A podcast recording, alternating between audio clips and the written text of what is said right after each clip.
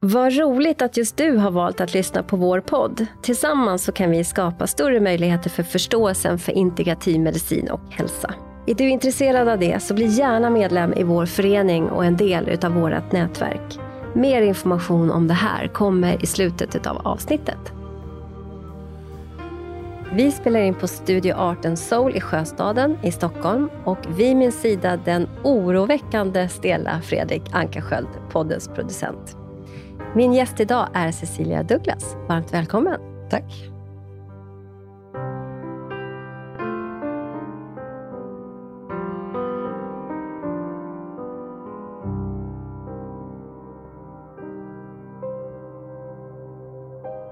Cecilia, du har berättat för mig att redan för över 40 år sedan så gick du din första kurs i massage och har efter det fortsatt att utbilda dig.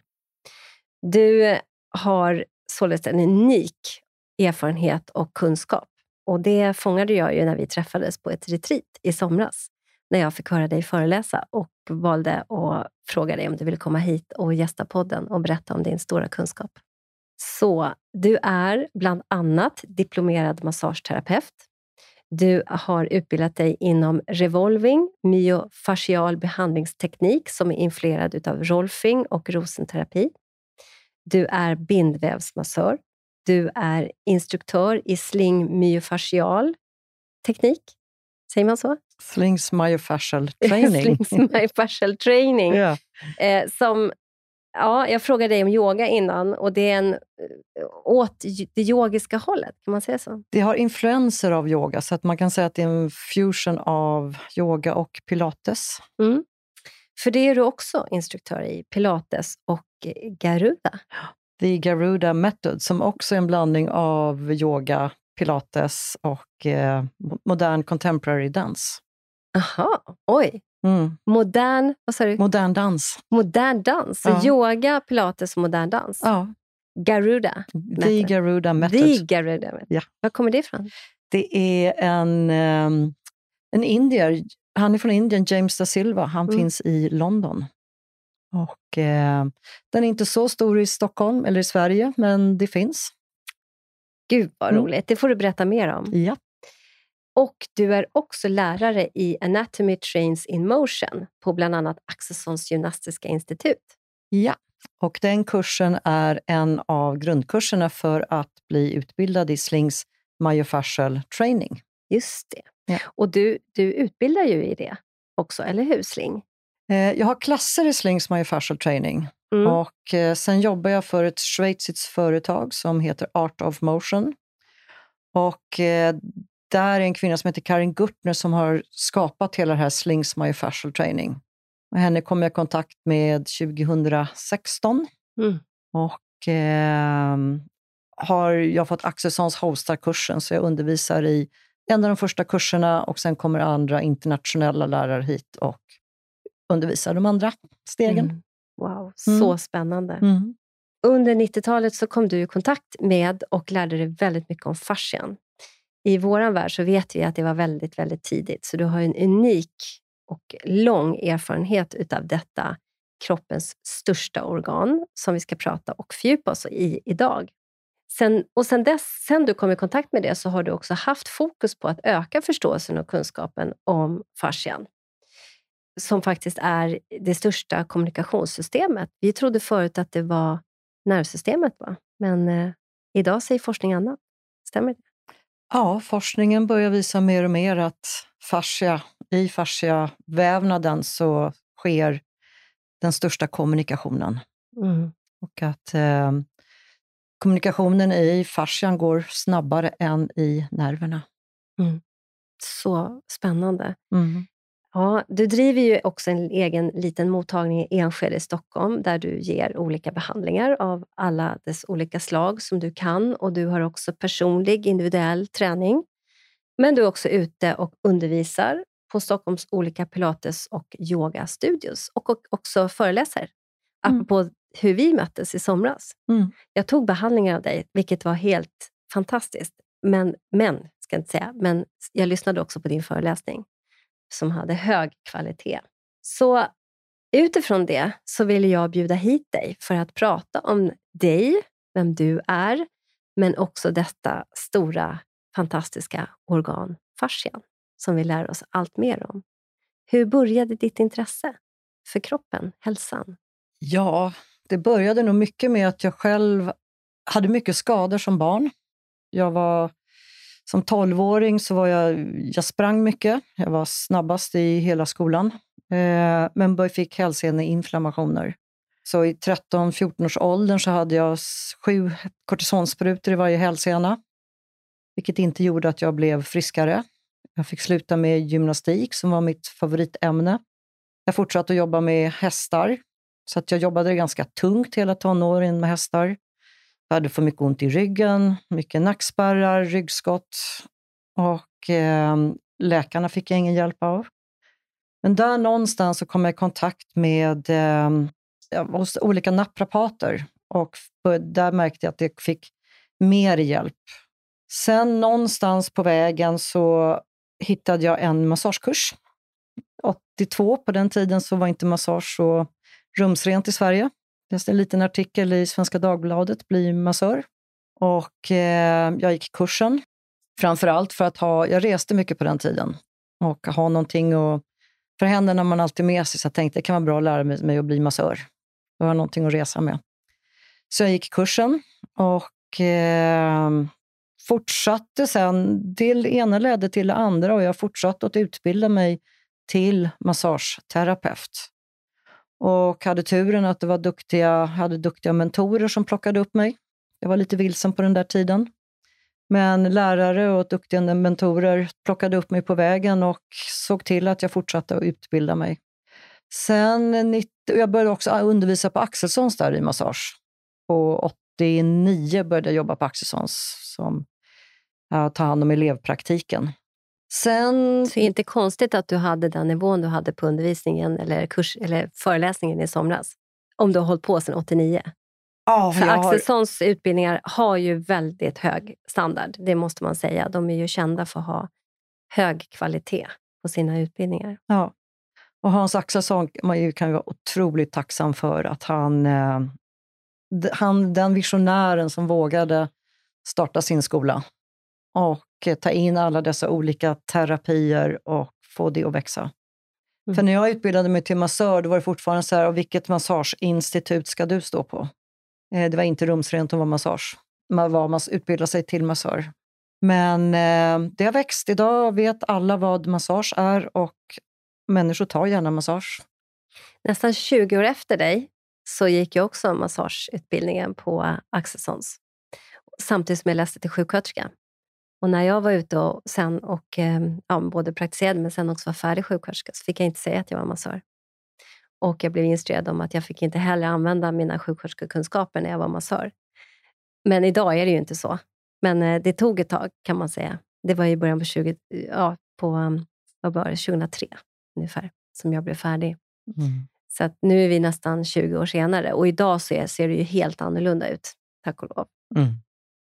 Det går framåt. Mm. Det går långsamt, men det går framåt. Mm. Men eh, i och med att jag började, någonting drev mig in i massagen, att utbilda mig. Jag hade jobbat så mycket med hästar också. Och i hästvärlden, jag jobbade som hästskötare i England när jag var 15 ett år. Och där hade vi en kiropraktor som kom och tog hand om hästarna. Det var ju hopphästar på hög nivå. Så där såg jag också vad, och vi hade någon massör som kom också tog hand om hästarna. Så att där började mitt intresse också. Jag var duktig på hästar och på något sätt så förde jag över min kunskap på hästar till människor. Och också kanske såg vad, det, vad de här behandlingarna gjorde för hästarna. Man la ju ner, tänker jag, både massage och kiropraktik på hästarna för att de skulle prestera bättre. Ja. Och det, förmodligen så presterar de ju bättre då också. Annars skulle man inte ha lagt ner de pengarna på hästarna. Och det såg du? Och det såg jag. Mm. Och jag märkte också min egen kropp när jag fick naprapatbehandlingar och massage att min kropp mådde bättre och började läka. Så det här var väl startskottet för mig att fortsätta att vidareutbilda mig och för att förstå kroppen. Vad är det som gör att vi kan, inte läka kroppen, men att få kroppen att må bättre? Och det är väl en sorts läkning också, att vi blir friskare och mår bättre. Och eh, 94 eller 93 så gick gick en kurs på Axelsson som hette bindvävsmassage. Och det där är klassiskt, alltså jag är, det är en tysk teknik som heter Bindegewebermassage. Och det är en svensk kvinna, Eva Rask, som var sjukgymnast. Och, nej, hon, jo, hon var sjukgymnast och naprapat som tog in den här tekniken till Sverige. Och den bindvävsmassagen, då sitter man på en pall börjar man och drar med fingrarna i, det ytliga, alltså i den ytligaste fascian. Och där såg jag också var otrolig effekt på kunderna, klienterna, patienterna, vad man nu ska kalla dem. Och det var flera steg bindvävsmassage. Det kom bland annat en eh, läkare, Christian Halmrich, från Tyskland. Det var hans pappa som hade varit med och tagit fram den här tekniken också. Och Christian förklarade på ett fantastiskt sätt hur, vad som händer när vi får spänningar i kroppen, hur det blir stagnationer, hur viktigt det är att vi håller igång det här flödet för att kroppen ska kunna må bra. På den tiden pratades vi inte fascia, utan bindväv. Så det tänker man är samma? För att egentligen så är ju bindväv ärrvävnad. Nej, alltså Nej. Bindväv, om man, bindväv är den väven som håller ihop oss. Om man ska nu definiera bindväv och fascia så är det är svårt det här med orden och engelska. Men bindväv, om man ska bara tänka bindväv svenska, kan man tänka på sena och det vita som omsluter musklerna. De här hinnorna som ligger runt varje muskel, runt varje muskelbunt, runt varje muskelfiber. Det är bindväv. Och även våra ligament och de stora, vi har som stora ark av sån här bindväv i kroppen också. Men sen när man pratar fascia, då tar vi också in eh, fler då tar vi också in det extracellulära matrixet, som det heter så fint. Och det är den, eh, den vätska som alla våra celler simmar omkring i. Man kan tänka sig att det är lite som ett, ursäkta men som ett snigelslem som alla våra celler simmar omkring i. Så när vi stör större begreppet fascia, då räknar man in också den här vätskan som cellerna simmar omkring i.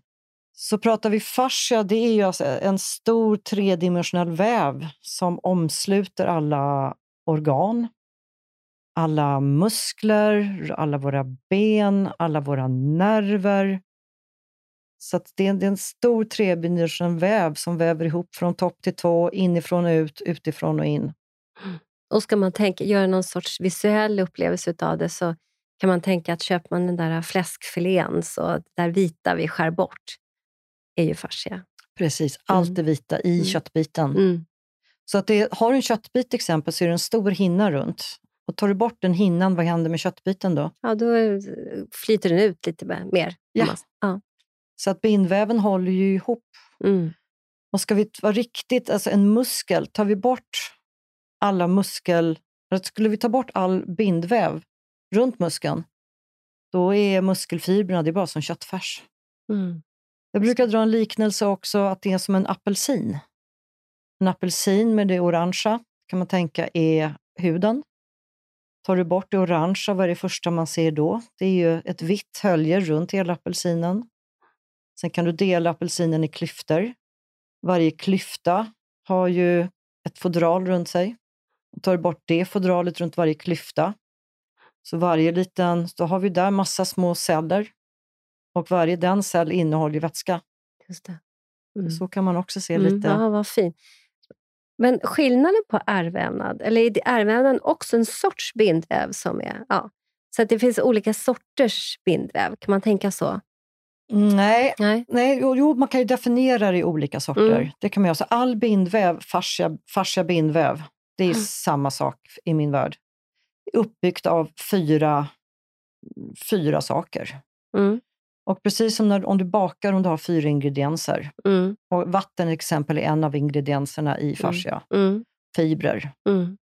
eh, celler och sen grundsubstans. Och sen hur det här är blandat så blir den antingen fastare, som senor och ligament, eller Eh, lösare som det här extracellulära matrixet, mm. så kallad loose fascia. Mm.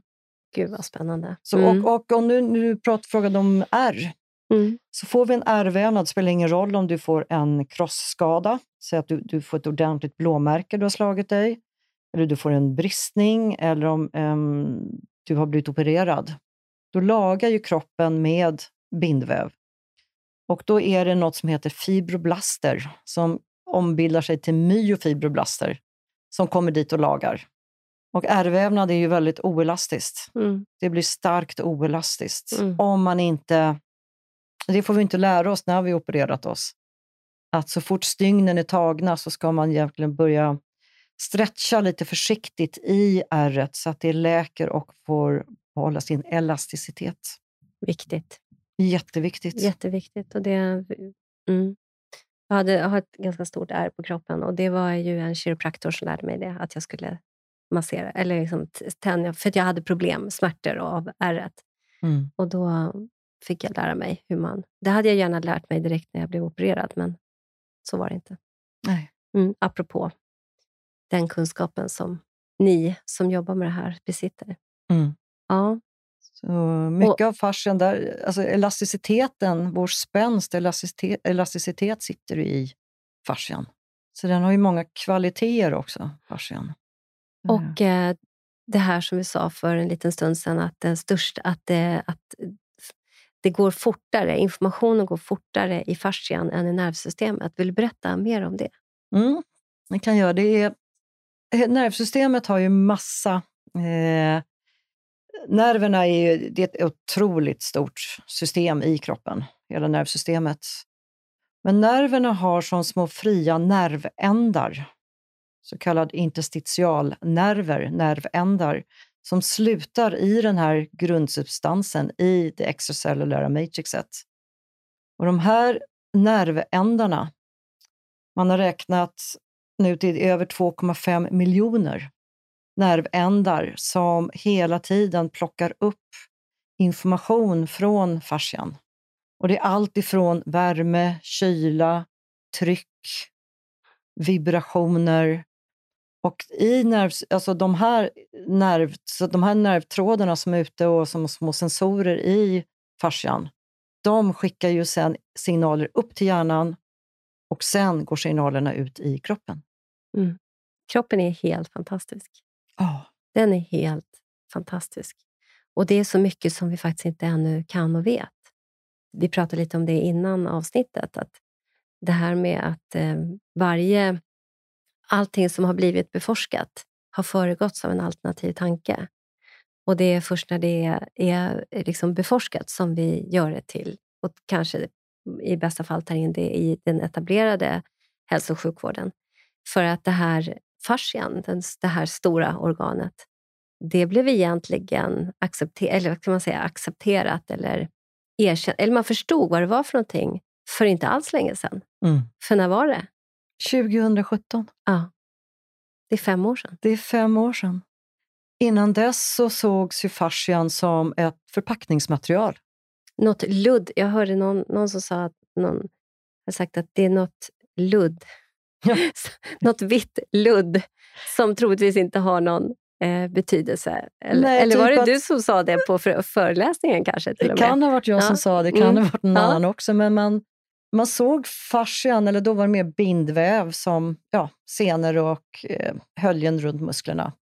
Men sen de här utrymmena mellan musklerna, där trodde man att där hade det bara evolutionen stoppat in massa vitt ludd för att ja, fanns tomrum som behövde fyllas ut. Men det, det, stämmer ju inte. Och, eh, så 2017 så i The Medical Journal så är det en eh, Neil Tees, han är läkare och leverpatolog som framförallt satt och studerade mycket eh, labbprover.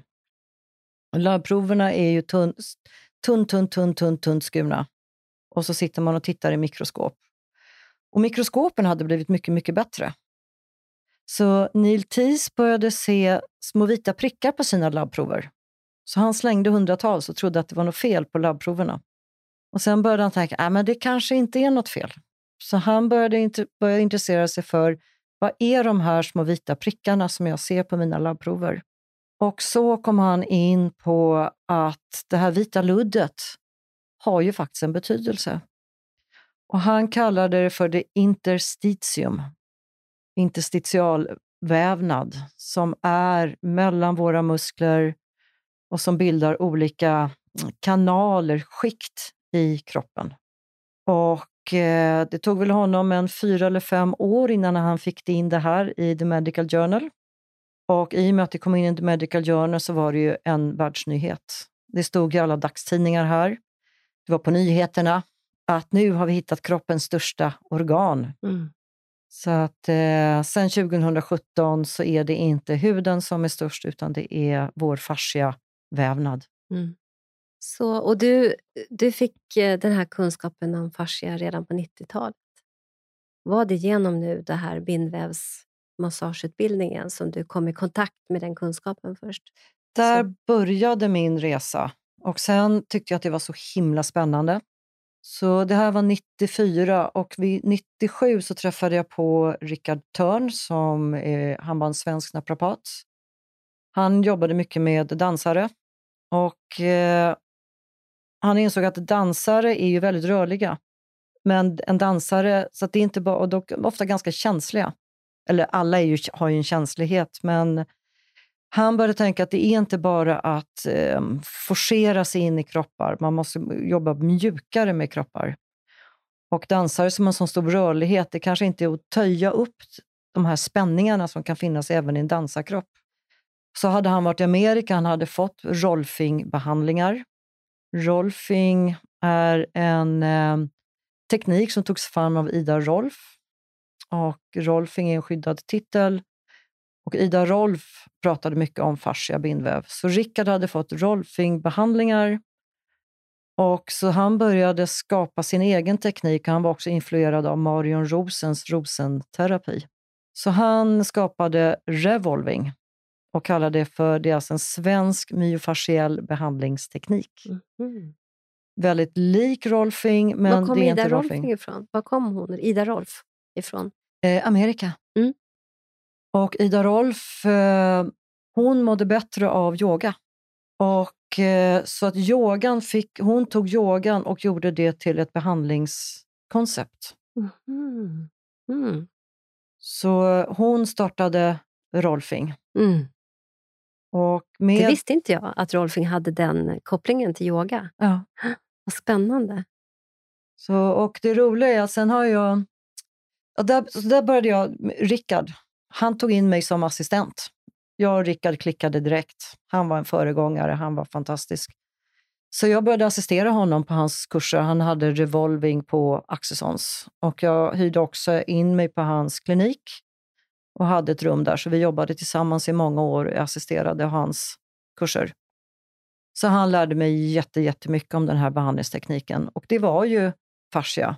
Det fanns ingen litteratur, det enda som fanns var några böcker av Ida Rolf. Sen 99, tyvärr, så gick Rickard bort i en båtolycka. Men jag har fortsatt att undervisa hans teknik på Accessons. Och där är även flera andra som undervisar i det nu också. Men samtidigt 99 så kom en bok som heter Anatomy Trains ut. Just det. Mm. Vad är det? Anatomy Trains det är ett koncept startat av en man som heter Tom Myers. Han är rolfare han var anatomilärare hos Ida Rolf, eller för Ida Rolf på hennes utbildning i Boulder i Amerika. Och han, Ida har ju också pratat om att kroppen är som en helhet. Det går inte att separera kroppen. Allting hör ihop. Allting samspelar. Påverkar du ett ställe så påverkas något annat ställe. Så Ida såg de här sammanhangen. Tom som undervisade i anatomi, han började se linjer kraftöverförande linjer i kroppen. Och till början gjorde han det som en lek. Och därför heter det Anatomy Trains, anatomiska tåg. Aha, trains. Han kunde se Jag tog det hur... som träning. Train, tra Nej, trains, ah, alltså trains, tåg. Tåg. tåg. Mm -hmm. Anatomiska tåg. Mm -hmm. Så han, dels genom alla behandlingar han har gjort och anatomin han undervisade, plus många, många dissektioner så, kunde han, så började han se hur, de här, hur muskler och fasciavävnader skapade linjer, kraftöverförande linjer i kroppen. Och utifrån det, så var, och sen när, så, så, var det någon som sa till honom, du har kommit på något Tom, du måste skriva en bok innan någon annan tar ditt koncept. Och då skrev han den här boken Anatomy Trains, där han har definierat 12 så kallade myofasciella meridianer. Och Tom kallar det för meridianer för han är seglare. Mm. Så han tänkte på de här meridianerna som snirklar runt jorden. Så det kommer inte från österländsk eh, läkekunskap? Utan, ja, okay. Sen är det så att 80 procent av Toms myofasciella meridianer sammanfaller med de kinesiska, mm. eh, japanska, österländska mm. meridianerna, akupunkturmeridianerna. Spännande. Mm. Det i sig. Mm. Mm-hmm. Ja. Så då läste jag, fick jag tag på Toms bok och läste den. Började förstå hur de här linjerna eh, sammanfaller. Och sen 2016 så såg jag en kurs som annonserades i Maine, där Tom bor, som heter Anatomy Trains in Motion. Anatomiska tåg i rörelse. Och under de här åren från 1999 till 2016 så... Eh, jag jobbade på min lilla klinik, jag var ensamstående mamma. Tog också hand om min egen mamma. Så att eh, livet var ju fullt, det fanns inte så mycket tid att vidareutbilda mig. Och, men 2016 så hade min mamma gått bort, min son var stor och jag hade möjlighet att åka till Amerika. Och jag hade också blivit pilatesinstruktör under den här tiden och eh, utbildad i Garuda Method. Så att, eh, jag hade fått in rörelse mer i mitt liv. Och förstod ju också att rörelse är ett sätt att hålla bindväven, fascian, välmående. Men så 2016 åkte jag till Maine och där var, träffade jag Karin Gurtner som har översatt Toms myofasciella meridianer till rörelse. Så eh, då träffade jag där i fyra dagar och blev tillfrågad av henne om jag ville bli lärare. För det här var hennes första kurs hon hade utanför Schweiz och Australien. Hon har bott mycket i Australien också. Så jag och fyra andra kvinnor blev tillfrågade om vi ville bli lärare. Och, och du sa ja? Ja, jag hade ingen aning om vad jag ja. gav mig in i. Ja! Och det visade sig att det var ett helt eh, utbildningskoncept. Och, eh, så att det, första kursen heter Anatomy Trains in Motion. Då lär man sig de här meridianerna, det är funktionell anatomi. Och sen nästa kurs heter Slings Essentials. Då lär vi oss vad är fascia? Och Karin har definierat 12 olika eh, fascia-kvaliteter. Alltså 12 mm. olika sätt som kvaliteter och även rörelsefunktioner som fascian besitter. Mm. När man har gått de två kurserna, då kan man gå, mm. då, sen kan man komma in och få lära sig rörelsesekvenserna. Okej, okay. vad är de 12? De är, det är bland annat alltså det är kraftöverföring, det är draghållfastighet, eh, det är glid, det är hydrering, det är formbarhet, det är samarbete, muskler och fascia. Eh, det är manjana-kompetens, att inte göra någonting, att mm. bara slappna av, att finnas till. Sen är det nog några till som inte jag kommer på just nu. Ja, ja. Men, det är, det Men är... bara som ett axplock av hur mycket som fascian hjälper kroppen med och mm. har möjlighet till att hjälpa kroppen med. Mm. Mm. Och Jag gillar både det här med att det är både rörelse och avslappning. Jag tänker på nervsystemet av parasympaticus och sympaticus, att det finns det här både och. Liksom. Och i det här stora organet, kroppens största organ. Så viktigt. Mm. Och vila är ju återhämtning. Mm. Och träning är ju nedbrytning, har man ju alltid hört. Mm. Men man förstår ännu mer nu hur viktigt det vår vila mm. är. Ja. Att inte göra någonting. Det är svårt. Ja, det är det, eh, tyvärr. Eh, men när du, när du eh, lär dig om det här, du åker iväg, du blir lärare. Du fick lära dig Anatomy Trains eh, in motion och, sen, och där fick du ett fokus. och du, Som jag sa i ingressen om dig, att du fick ett fokus på att liksom vidareföra förståelse och kunskap om det här. Vad var det som du liksom kände så här, Åh, det här måste, det här blir liksom en av mina pusselbitar i, i världen? För det är så jag liksom uppfattar det när vi pratade innan, att det här vill jag vidareföra. Vad var det som fångade dig? Vad var det som gjorde att du liksom... Det var när jag åkte till Maine då hade jag... Jag har, som jag sa, när jag var liten så hade jag ryggskott och ont i mina hälsenor. Och eh, det har jag haft återkommande. Ryggskott, nackspärrar, eh, hälsporrar eller plantarfasciter, inflammation i fötterna. Det har följt som en röd tråd genom mitt liv. Och jag har, trots att jag trodde att jag kunde träning, jag har alltid tränat. Eh, jag har fått hur mycket naprapatbehandlingar som helst, massage. Mått tillfälligt bättre, men min kropp har hela tiden fått de här återkommande ryggskotten också. När jag åkte till Maine så hade jag plantarfascit. Jag hade en fot som jag hade jättejätteont i, alltså inflammation under foten. En del kallar det hälsporre. Jättevanligt. Eh, och jag hade också ont i min rygg som vanligt. Efter fyra dagars träning med Karin Gurtner, för den här kursen Anatomy Trains, det är, det är funktionell anatomi, men det är väldigt, väldigt mycket rörelse för att man verkligen ska förstå anatomin. Så hade inte jag ont längre. Fyra dagar? Fyra dagar. Hela min kropp bara... Det kändes som att hela min kropp bara öppnades, låstes upp av den här träningen. Så att när jag sen blev tillfrågad att bli lärare, jag tvekade inte. Jag bara sa ja. hade jag vetat hur mycket, hur mycket jag hade behövt plugga, bli testad, bli, eh, vad heter det? Examinerad. Examinerad, inte bli godkänd.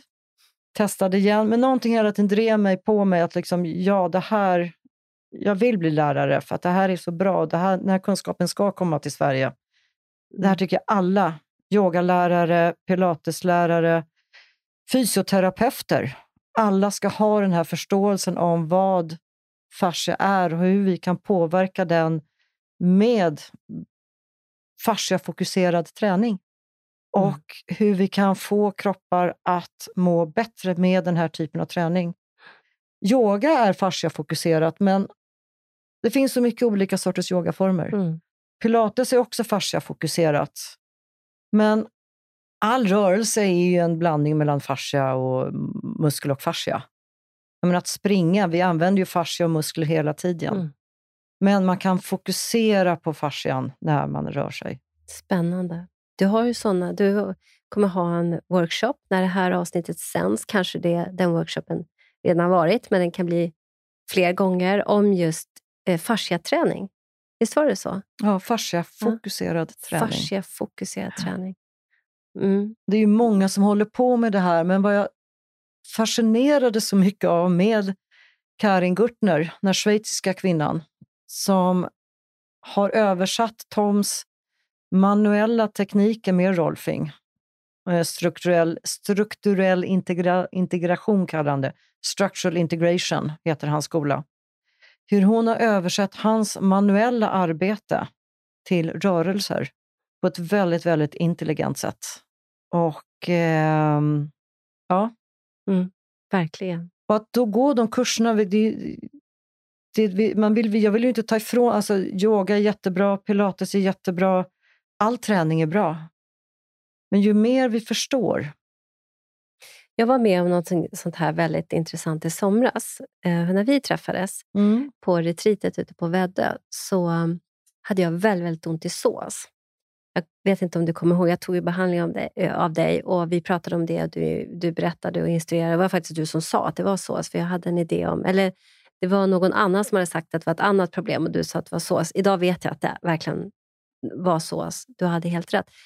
Efter det så skulle jag, ehm, eh, jag skulle gå kurs och så köpte jag en cykel och då har jag haft ont i sås i alltså, år. Och Jag yogar och jag, det blir bättre ibland och jag gör olika saker. Men då började jag cykla till den här kursen och tänkte så här, det här kanske blir problematiskt eftersom jag har så himla ont på, vänster, på SOAs vänster sida. Men på typ fyra dagar så försvann försvann smärtan helt och hållet. Och Det där har jag tänkt att det måste ju varit, eftersom jag ändå jag promenerar, jag tränar, jag springer inte längre på grund av att jag haft så ont i sås. Någonting gjorde jag, jag gjorde helt annorlunda. Jag har inte cyklat på alltså, sen jag kanske var tonåring, typ. alltså som startade. Och då tänker jag på det här som du pratar om nu med anatomy trains. Liksom att det kan Ja, jag vet inte, men det var väldigt, väldigt märkligt att det försvann efter allt jag har gjort under så många och tränat och tagit hand om och XYZ och massage och naprapat och alltihopa. så började jag cykla. Och poff, så var det borta. Kan det vara någonting sånt här? Att det satte igång någon form av rörelsetåg? Ja, när du säger det tänker jag mer att du fick en dynamisk stabilitet som du kanske inte har tränat så mycket innan. Nej, så kan det vara. Tränar, har du mest tränat yoga och sprungit och gått? Eller? Ja. ja. Mm. Har du tränat någon dynamisk stabilitet, att fokusera på att stärka de här djupa inre, de innersta djupaste Nej. kårmusklerna? Nej. Nej. Var det det jag gjorde när jag började cykla? Ja, för, ja jag, jag, jag, jag tror det, för cykling är ju det är ganska muskulärt att cykla. Det är inte så fasciafokuserat. Nej. Så jag tror att du fick ihop hela ditt fascianät som kanske är lite för rörligt. Ja, men alltså, det var verkligen eh, så speciellt när det blir så här snabb eh, efter att ha gjort så mycket annat. Och, Ja. mm, men då var det då. Var det, det då, då. som jag gjorde. Men jag tänkte just att man sätter igång på ett annat sätt. Men utifrån det, kan du beskriva hur, hur, hur ser en sån här uh, anatomy trains in motion ut? Vad är det, hur är det man tänker att det, det sker eh, alltså, i meridianer i kroppen? Vad, vad är det som händer när man börjar träna det? Mm, vi tänk, alltså anatomy trains in motion, alltså de här meridianerna, det tänker vi att det är 12 kraftöverförande linjer. Och att lära sig dem, det är som att eh, man har en karta. Och eh, först lär man sig kartan perfekt. Och sen så går man, börjar man ta genvägar. Så att, att lära sig de här meridianerna, det är, eh, det är en bra karta för att läsa kroppen, att förstå kroppen. Men när det gäller, hur ska jag säga det här nu då? Eh, fascian håller ju ihop oss och, eh, från topp till tå. Och att fascian står också för dynamisk stabilitet runt alla våra leder. Så att vi vill ju ha de här djupaste kårmusklerna, vår bäckenbotten, vår innersta magmuskel som, som transversus abdominis som sitter som en korsett och vår diafragma. Och några av de här små musklerna som sitter mellan varje kota, de så kallade multifiderna. Där har vi vår djupaste inre stabila stabilitet. Sen den djupaste, en av de här linjerna som Tom har dragit fram, den djupaste linjen, the deep frontline.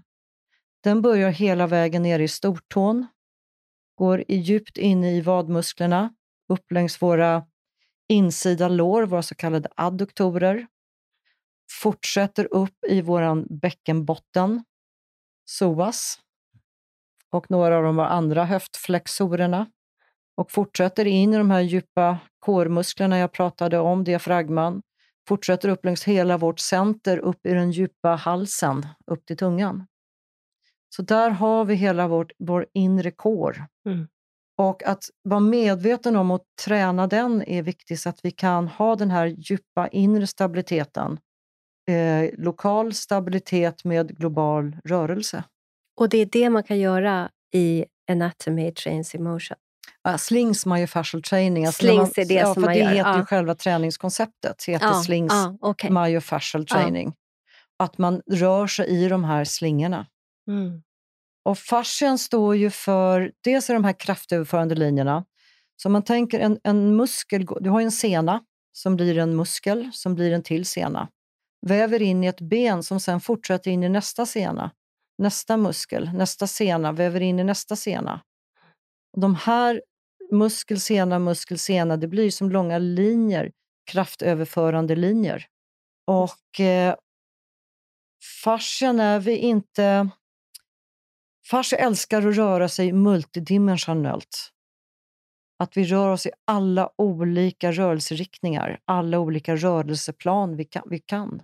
Så att om vi bara rör oss ensidigt, kanske bara håller på med samma typ av träning, eller sitter mycket som alla gör i dagens läge, så kletar fascian ihop. Det blir stagnationer. Fascianätverket, den här tredimensionella väven, gillar när vi drar i den i olika håll för att hålla den elastisk. Någon som har inte tränat, inte tagit hand om sig, inte Ja, alltså nu kom det en fråga upp i mig som jag kanske, eller kanske ställer på en gång. Att kan vi eh, påverka fascian med, med kost? Det forskas om det. Mm. Eh, så att det, jag kan inte tillräckligt. Kan, kan man, vi... tror, man tror att äta eh, kollagen till exempel. Mm. Kollagen är ju en del av um, ingredienserna i fasciavävnaden. Och, eh, så det forskas väldigt mycket om eh, hur kosten påverkar oss. Socker vet vi till exempel att för mycket socker det skapar inflammationer i kroppen. Mm. Och inflammationer sitter i fasciavävnaden. Mm. Och eh, kan, blir fascian påverkad av vår psykologiska tillstånd? Det forskas det också mycket på nu. Och eh, det är mycket spännande forskning som hålls på. Och när vi är deprimerade, när vi inte mår bra, inte så glada, vi blir ju väldigt, vi drar ihop oss. Vi vill ju inte gå ut och brösta upp oss och säga här är jag, utan vi drar gärna oss inåt och drar ihop oss. Och tyvärr inte rör oss så mycket, vi blir väldigt lätt sittande. Och fascian som inte rör sig, den stelnar. Man kan säga att det kletar ihop. Och eh, då blir ju kommunikationen i kroppen sämre. Det blir ju stagnationer. Just det. Och det forskas det mycket på nu. hur... Kan man se, alltså, eller har du med din erfarenhet en människa som kanske inte har tränat, har stressat massor, har ätit mycket socker och får någon sorts nytt utgångsläge av något skäl. Det kan vara sjukdom, olycka, eh, information, kunskap och som vill börja liksom, läka sin kropp. Kan, man, kan fascian återhämta sig? Kroppen har en otrolig återhämtningspotential. Och det är också en av äh, fascia-kvaliteterna, att den är förändringsbar. När vi ger kroppen verktyg till läkning, självläkning och förändring så kroppen svarar och blir jätte, jätteglad. Det tar tid dock. Det är, ingenting, det är ingen quick fix. För att eh, fascia tar tid att förändra. Muskelfibrer går ganska fort att bygga upp. Att bygga upp musklerna går snabbt, men att förändra fascia tar tid. Mm. Men det går att förändra. Och eh, Jag känner mig själv, jag är ett levande exempel, för jag var jag har ju förstått med åren att alla de här ryggskotten och ont i fötterna, det var ju mycket från eh, trauman sedan jag var liten. Mycket stress, trauman av olika slag. Som, hade, som jag hade ju ett, ett skydd som, som hade en funktion. Men jag, jag hade ju ont. Jag kände mig stel. Det spelade ingen roll hur mycket jag stretchade. Jag, det, den här eh, spänningarna höll ihop mig. Men när jag då fick tillgång till bra träning, eller det som jag, för, för min kropp var bra i alla fall, slings myofascial training, så har jag känt hur min kropp öppnar sig och har fått tillgång till helt andra inre resurser jag inte hade innan. Och Det här ser jag på många av mina kunder också. Mm. Men det är ett samarbete. Mm.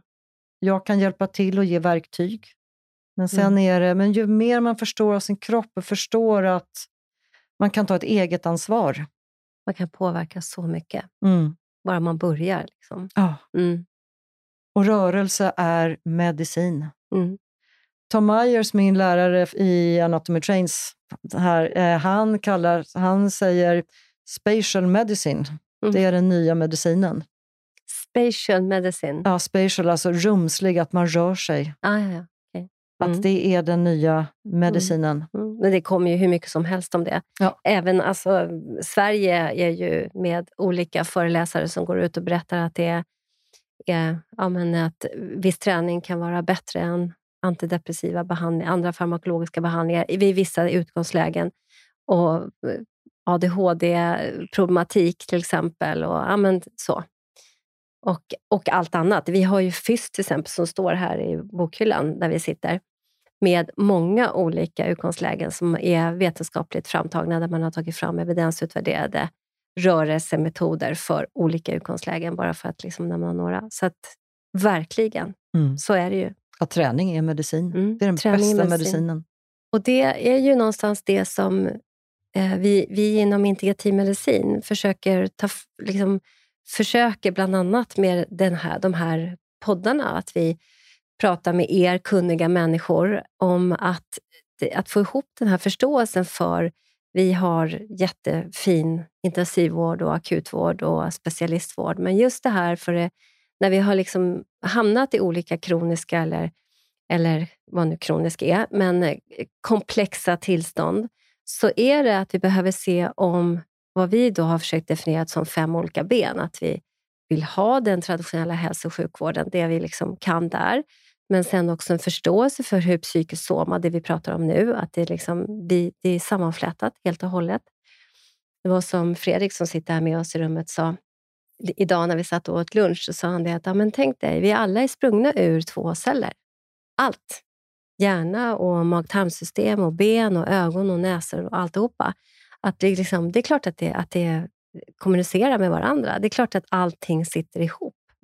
Och, och ur liksom en cell från mamma, en cell från pappa, så börjar det springa. Men allting, egentligen poängen att allting är ju sprunget ur detta mm. eh, liksom, möte mellan en spermie och ett ägg. Så självklart så är ju liksom inte hjärnan ett levande svävande organ för sig själv. Liksom, utan, utan, och idag vet vi så mycket om vagusnerven, hur den är inflätad i alla våra inre organ till exempel. Så att, såklart det sitter ihop. Så att vi då försöker liksom, ja, men vi vill ha den traditionella hälso och sjukvården, det vi vet, det vi har forskat fram och, och så vidare. och så vidare. Även om det ska sägas, det vi pratade om också strax innan var ju att liksom allt som har blivit beforskat har ju föranletts av en alternativ tanke.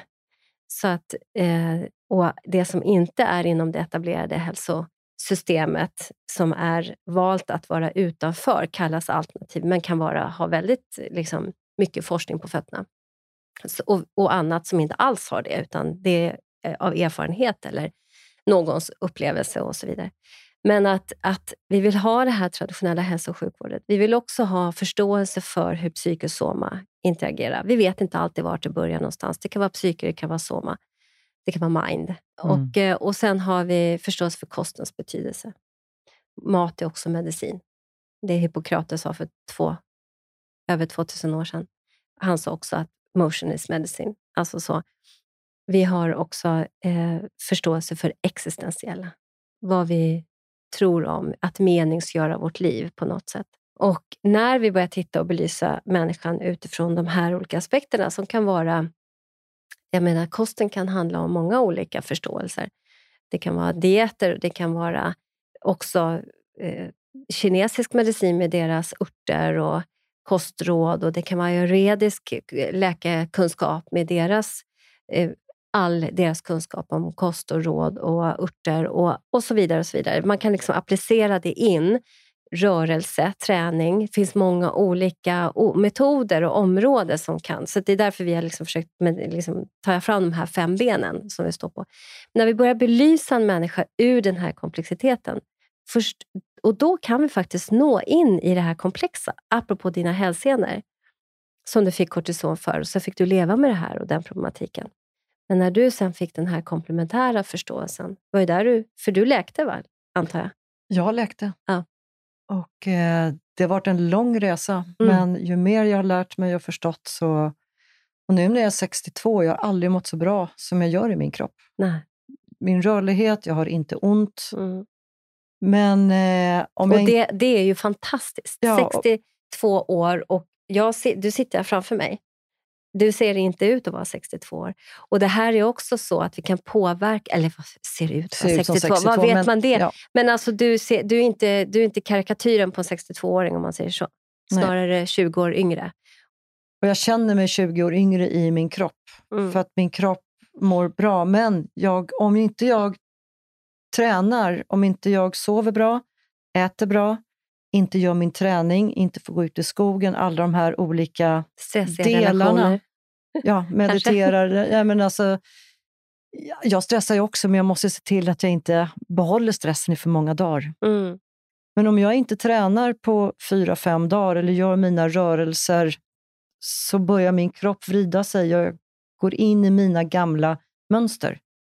För alla, alla har vi våra asymmetrier alla har vi våra sätt att röra sig. Man kanske gärna sitter med ett ben i kors över andra. vi är högerhänta, vi är vänsterhänta. Så alla har vi, vi bär vi med oss asymmetrier, olikheter.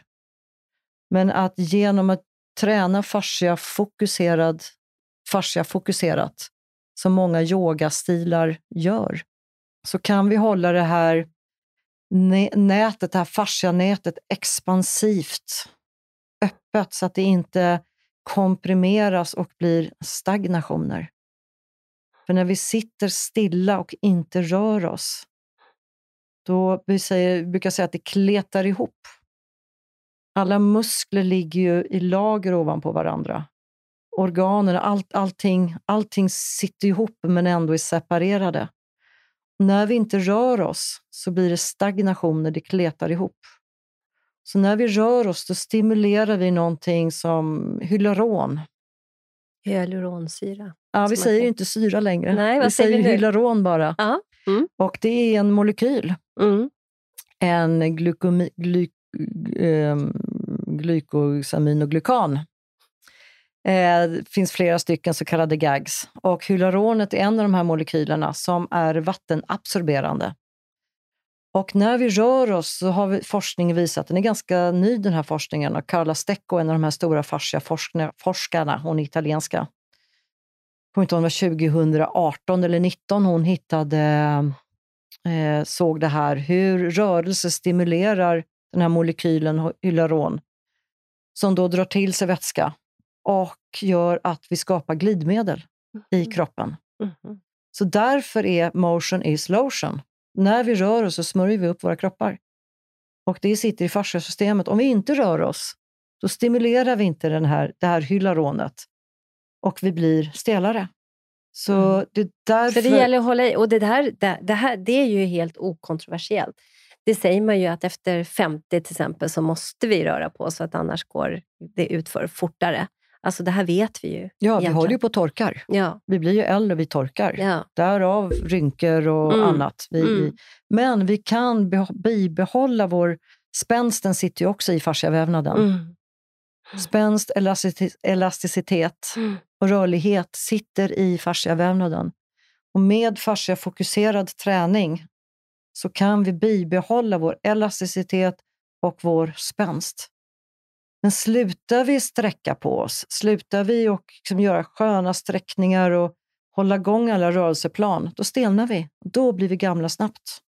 Eh. Så det är ju verkligen eh, att återigen och bara ställa oss till de, alla de som också pratar om det, att, att vi behöver fortsätta röra på oss. Vi kan inte sitta still för mycket. Vi måste liksom göra, och gärna göra sånt vi tycker är roligt. Ja. lite bliss. Då blir det extra mycket smörj. Hitta rörelseglädje. ja, det, det är det. Mm. Och, liksom, det. Och det finns inga perfekta rörelser. All rörelse är bättre än ingen rörelse. All rörelse som gör, inte gör ont, ska jag säga. Det ska inte, I min värld ska det inte göra ont. I min värld så är smärta tecken på det är kroppens sätt att säga, gör någonting annat. Sen, okej, okay, håller du på med boxning eller kampsport? Jag tränade själv mycket kung fu när jag var liten. Jag hade ont. Det gjorde ont. Men då var jag arg och ung tjej, så jag, jag behövde få de här smockorna. Behövde. Men annars när vi tränar, det ska inte göra ont.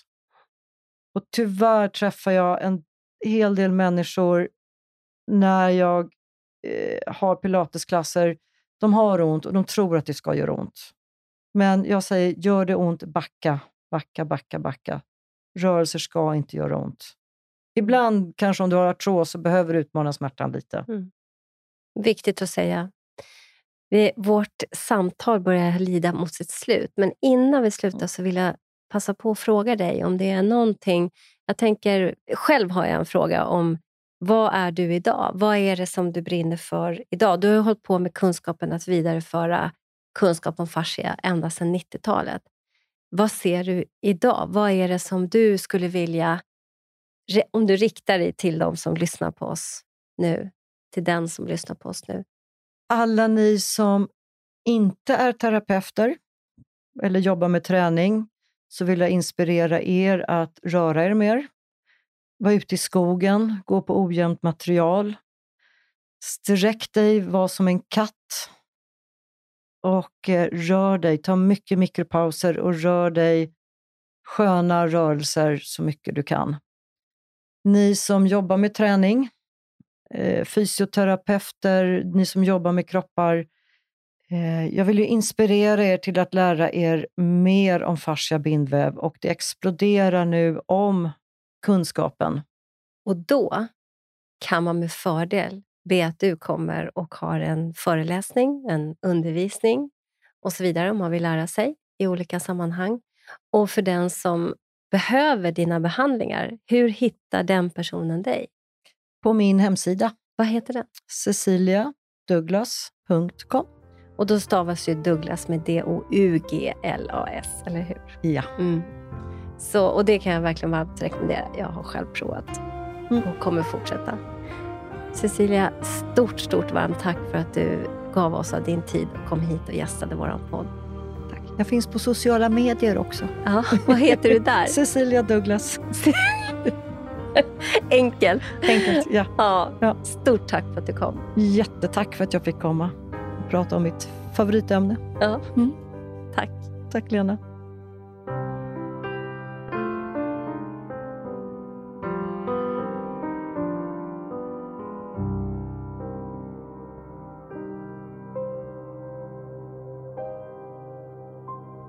Både och istället för antingen eller, en podd om integrativ medicin och hälsa är skapad och drivs av Svensk förening för integrativ medicin och hälsa, FIM. FIM är ursprungligen en yrkesförening för legitimerad vårdpersonal. Vi representerar sjuksköterskor, dietister, fysioterapeuter, läkare, psykoterapeuter, psykologer, tandläkare för att nämna några. Idag omfattas våra medlemmar även av associerade medlemmar som inte behöver vara legitimerade. Föreningens arbete vilar mot den vetenskapliga grund för integrativ medicin och hälsa som finns, såväl svensk som internationell och på systemisk förståelse av människan i sin miljö. Vår förenings arbetssätt har hittills varit att arrangera konferenser, seminarier och folkbilda genom att sprida information, exempelvis via sociala medier. Vår strävan inom integrativ medicin är att vara en organisation som vågar lyfta och ifrågasätta, motverka polariseringar genom tvärvetenskapliga dialoger och sokratiska samtalsregler. Vi vill kartlägga forskning som bedrivs, även internationellt, och hålla koll på aktuella forskningsresultat om behandlingsmetoder, både vad det gäller den etablerade vården liksom den vård som bedrivs utanför den etablerade vården.